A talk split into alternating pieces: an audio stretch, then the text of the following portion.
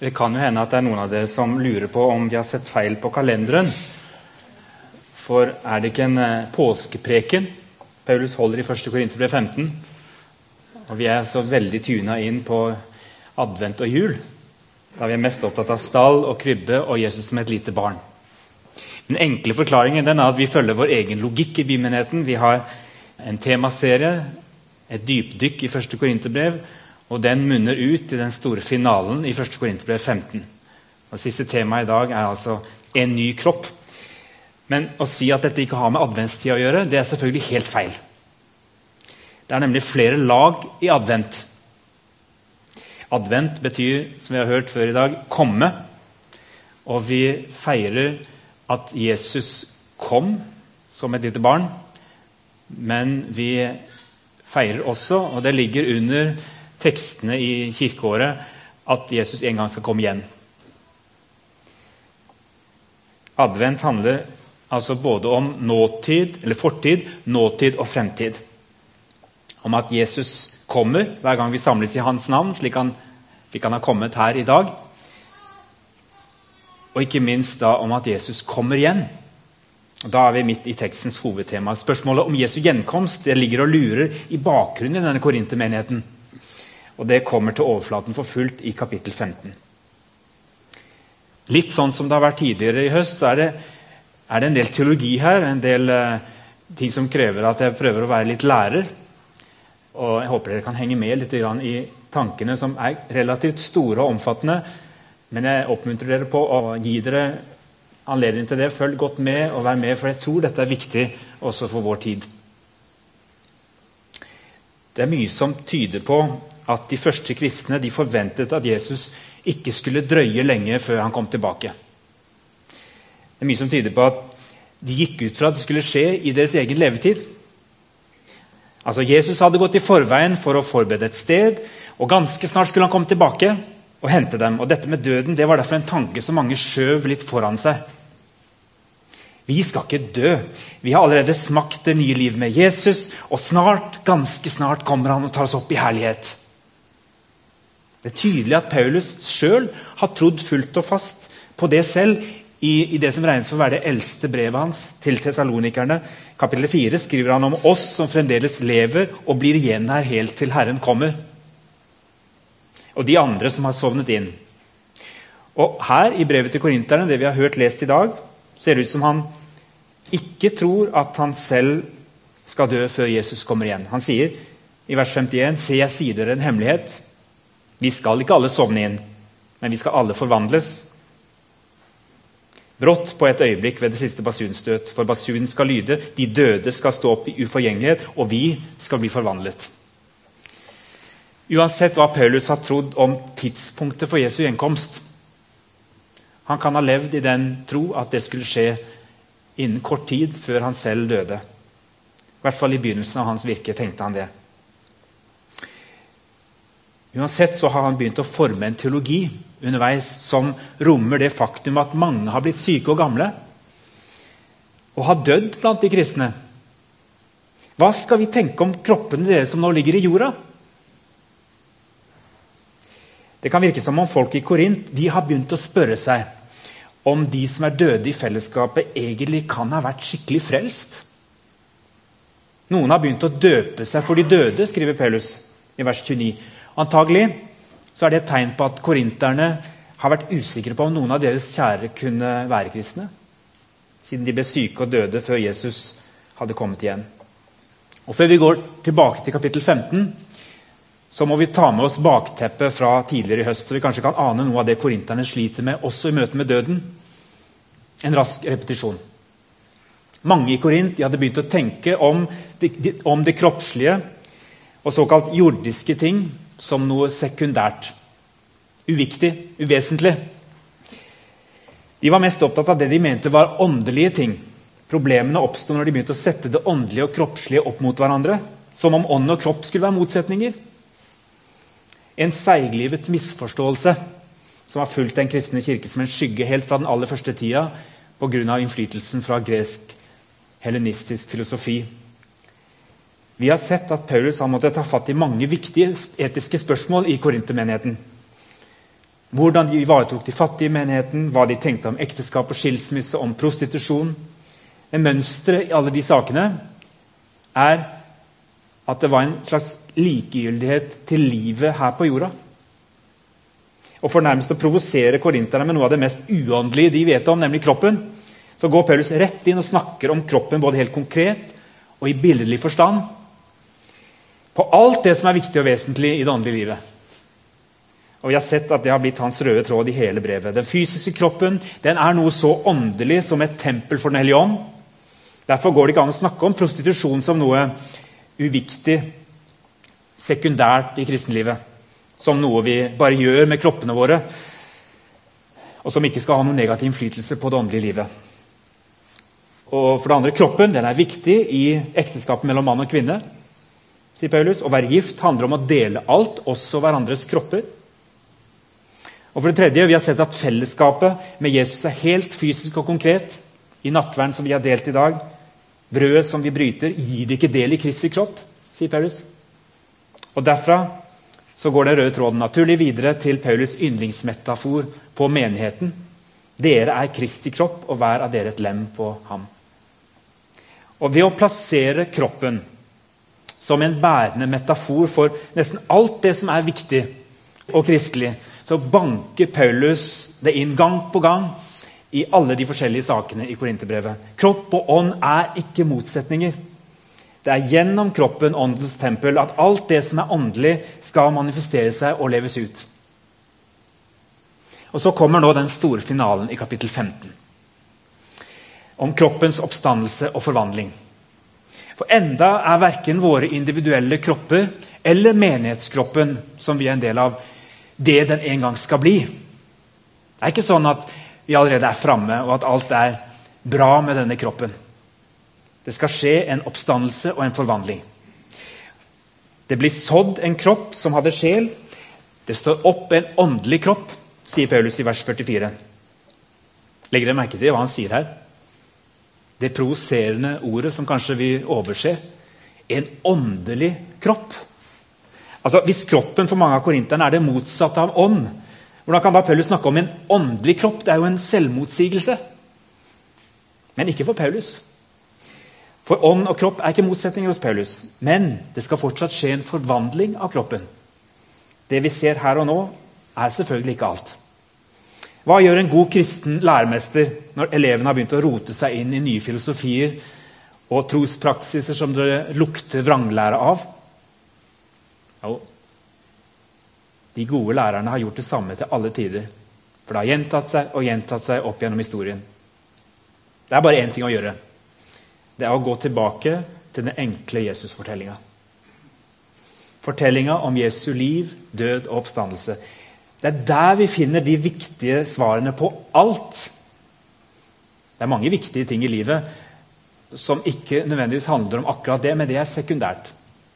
De viktige svarene finner vi i Jesu egen reise, som også er vår reise. Han har gått foran, vi skal komme etter. Hvis vi ikke kan speile alt som vi tror og funderer på i fortellingen om Jesu liv, død og oppstandelse, da er det høyst sannsynlig vranglære. I Korint så handla det om et forkvakla syn på kroppen og døden. I vår tid så handler det bl.a. om reinkarnasjon, som visstnok er blitt en så mektig populær tanke i norske folk at Eh, jeg har hørt statistikker på at uh, i alle fall veldig mange av de som er medlemmer av Den norske kirke, også tror på reinkarnasjon. Det er en slektning av det korinterne trodde på. Da er det også vår ånd som er vårt egentlige jeg, løsrevet fra kroppen. Vår ånd har et kontinuerlig liv og kan dukke opp både historiske personer i fortida, langt tilbake i tid, helst interessante og spennende mennesker, og så skal den reinkarneres i en ny kropp et sted inne i framtida. Det gjelder bare om å leve et godt liv, da, så vi dukker opp i en kropp som er god å leve i, og ikke går nedover på rangstigen. Det snakkes det ikke så veldig mye om, denne karmatenkningen som vi har i hinduismen. For den, den, sier jo til og med at vi kan risikere å, å havne i en, et dyrs kropp i det neste liv. De færreste som tror på reinkarnasjon i Norge, tror at de kan komme til å bli reinkarnert som dyr. Men det er den harde realiteten i hinduismen. Hvis vi ikke lever sånn som det kreves og forventes av oss. I en slik tro så er kroppene bare et slags hylster, mens vår ånd, som aldri skal dø, den går bare inn og ut av de ulike kroppene gjennom tiden. Stopp en hals, sier Paulus. Dere sier at dere tror på Jesus, men da må dere jo også se sammenhengen mellom hans liv, død og oppstandelse. Og dere selv. Han sier i vers 12.: Når det blir forkynt at Kristus er stått opp fra de døde, hvordan kan noen blant dere da si at det ikke fins noen oppstandelse fra de døde? Og Her mener han åpenbart. Hvordan kan dere tro at ikke de døde kroppene skal reises opp fra de døde? Når vi jo tror at Jesu kropp blir reist opp fra de døde. Dette må jo henge sammen. Og Når Paulus har hjulpet oss til å se den tydelige sammenhengen mellom Jesu døde oppstandelse og vår død, så går han videre i vers 35. Nå vil vel noen si hvordan står de døde opp? Hva slags kropp har de? For det var jo problemet til korinterne. sannsynligvis. De kunne ikke fatte og begripe at det skulle komme noe godt ut av denne kroppen, som bare var et nødvendig onde, en motsetning til det virkelig åndelige. Og Alle kunne jo se at kroppene fortsatte å eldes. De ble syke. Mange ble ikke helbredet, og noen døde, selv om folk var blitt kristne. Det var jo strengt tatt lite som tydet på at kroppen var så særlig preget av Jesu oppstandelseskrefter. Det var bare å se seg selv i speilet. Og når de så seg selv i speilet, så måtte de da lage seg en del sånne alternative tanker og teorier for å forklare det, men det var ikke fundamentert i Jesu egen fortelling, Guds ord. Så Paulus, hvordan skulle de døde liksom stå opp? Hva slags kropp skulle liksom de ha? Og Paulus svarer, du uforstandige menneske. Det du sår, får da ikke liv igjen uten at det dør. Og det du sår, er jo ikke den planten som kommer opp, men et nakent korn av hvete eller et annet slag. Gud lar det få den skikkelse som han vil. Hvert enkelt slag får sin egen skikkelse. Henger dere med her? Egentlig er det bildet Paulus her bruker, helt genialt. Han går til naturen og viser oss at de overnaturlige ting de bygger på helt naturlige ting, på jordiske prosesser som vi kjenner igjen i naturen. Alt er jo skapt av Gud, så det er ikke rart at det henger sammen. Se på frøet og planten. Det er jo ikke sånn at kornet er uvesentlig, selv om planten ser helt annerledes ut når den kommer opp. Det er ikke sånn at vår dødelige kropp er uåndelig bare fordi den faktisk må i jorda og dø for at den skal kunne bli til noe helt annet. I dag vet vi langt mer enn Paulus om alt det som egentlig fins inne i det lille kornet. Naturvitenskapen har lært oss mye. Men han tenker jo helt riktig i det lille kornet ligger allerede alle de fantastiske egenskapene skjult som skal komme fram i planten. Frø er en helt nødvendig forutsetning for det som skal vokse fram. Selvfølgelig er frø og planten to helt forskjellige ting, men det er likevel kontinuitet. Planten kan ikke bli noe annet enn det som allerede ligger nedlagt i frøet at det en gang skal bli. Hele plantens identitet, personlighet og uttrykksform ligger allerede gjemt i frøet. Men dere kan jo være enige i at hvis vi ser på det frøet, holder det i hånden, så virker det merkelig. Fordi vi har kjennskap til prosessene i naturen, så syns vi ikke det er så vanskelig å tro på det. Hvorfor skulle det være så vanskelig å tro på at Gud gjør det samme med våre kropper når de legges i jorden og skal bli til noe nytt? Hvem skulle ha trodd at noe så vakkert kunne vokse fram når vi betrakter det lille frøet i hendene våre? Våg å tenke den tanken helt ut. Det frøet, det er deg nå. Den nye planten som ingen av oss helt vet hvordan skal bli seende ut, det er deg etter døden og etter din oppstandelse. Du skal ikke inn i en annen kropp og leve som ånd eller sjel i en eller annen person. Reinkarnasjon er uforenlig med kristen tro. Du skal forvandles. Du skal bli noe helt annet. Men det tar utgangspunkt i det du er her og nå. The best is yet to come, står det på døra til eh, min kollega Jon Arve Lunde. Folkens, Døden det er en forutsetning for alt liv. Når vi ser døden, så kan vi tenke at det er over. Men det er det ikke. Er det mulig for Gud å gi nytt liv til et lite dødt frø som ligger i bakken, så er det selvfølgelig mulig for ham å gjøre det samme med oss. Og Vi trenger jo ikke engang lure på om det er mulig. Vi trenger ikke bare å si at ja, det gjelder for planteriket, men du har ingen som helst grunn til å tro at det samme gjelder for mennesker. Jo, vi har det. Jesus har gått foran og vist oss at det er mulig også for mennesker. Det er den fantastiske nyheten som vi har kommet. Men nå er jo Kristus stått opp fra de døde som førstegrøden av dem som er sovnet inn. Fordi døden kom ved et menneske, er også de dødes oppstandelse kommet ved et menneske. For slik alle dør pga. Adam, skal alle få liv ved Kristus. Men hver i sin tur. Kristus er førstegrøden.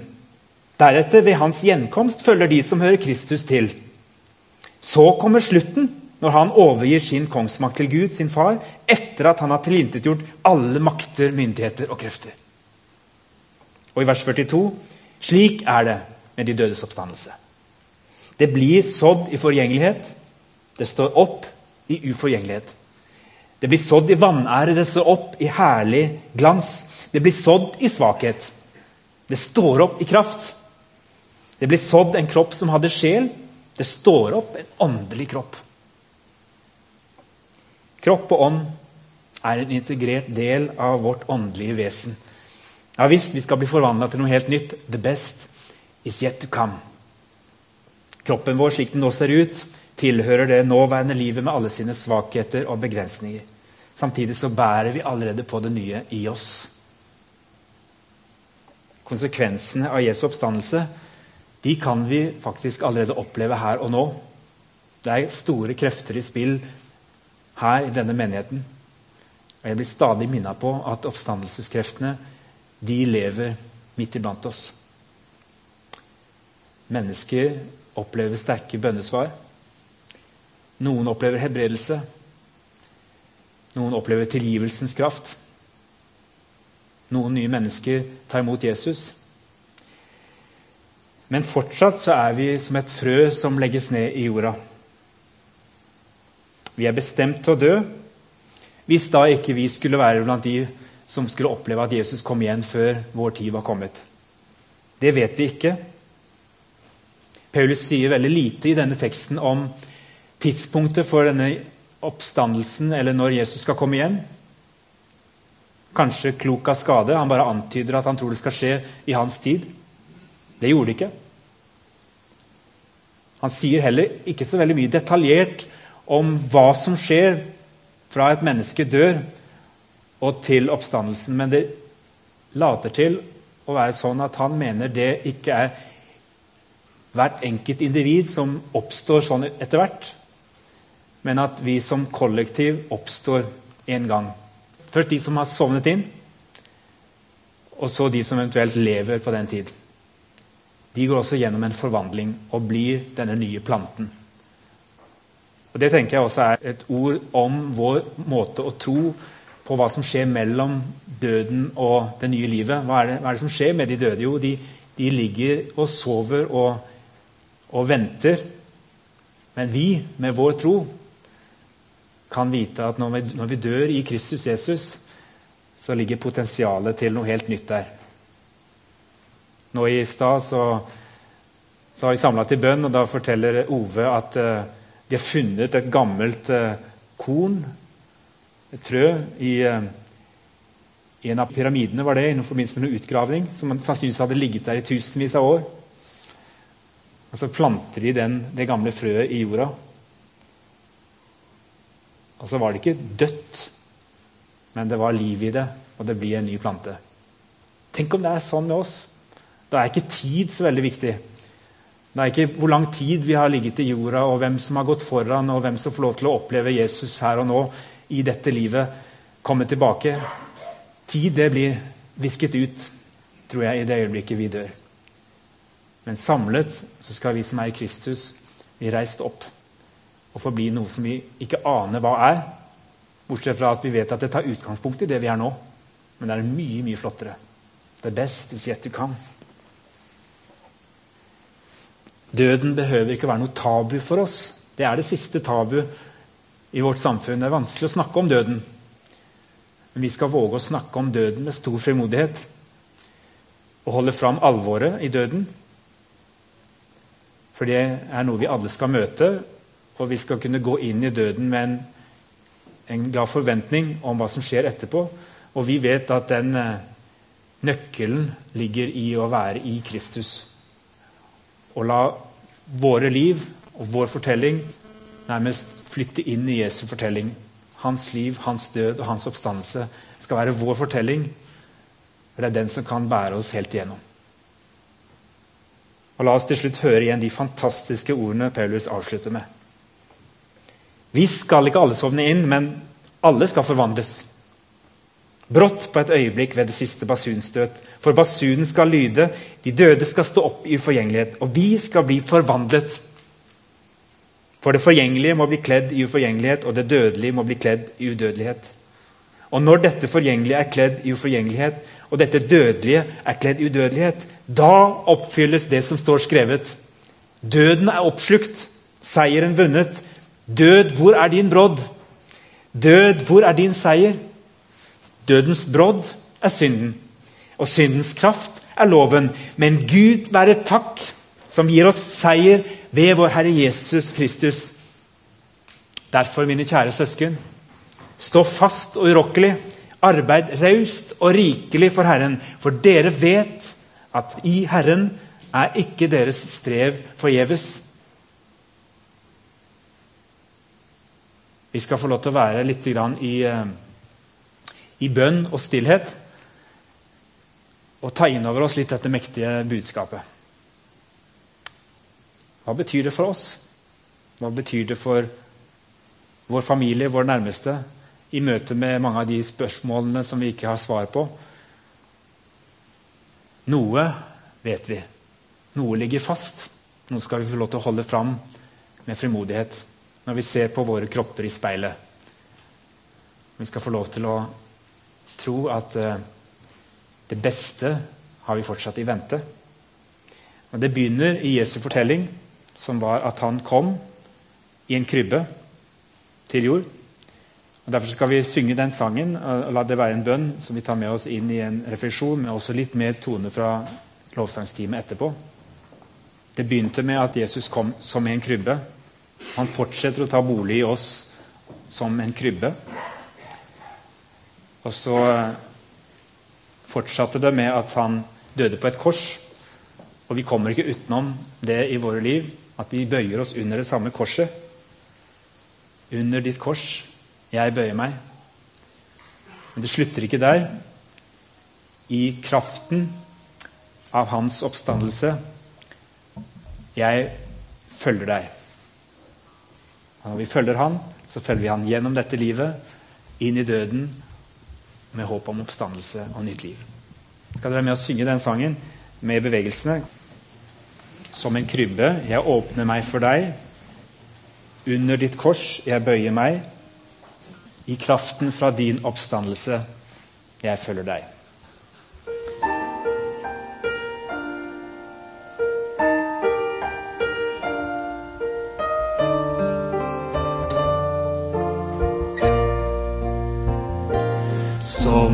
En jeg åpner meg for deg. Under ditt kors, jeg bøyer meg. Med kraften fra din oppstandelse, jeg følger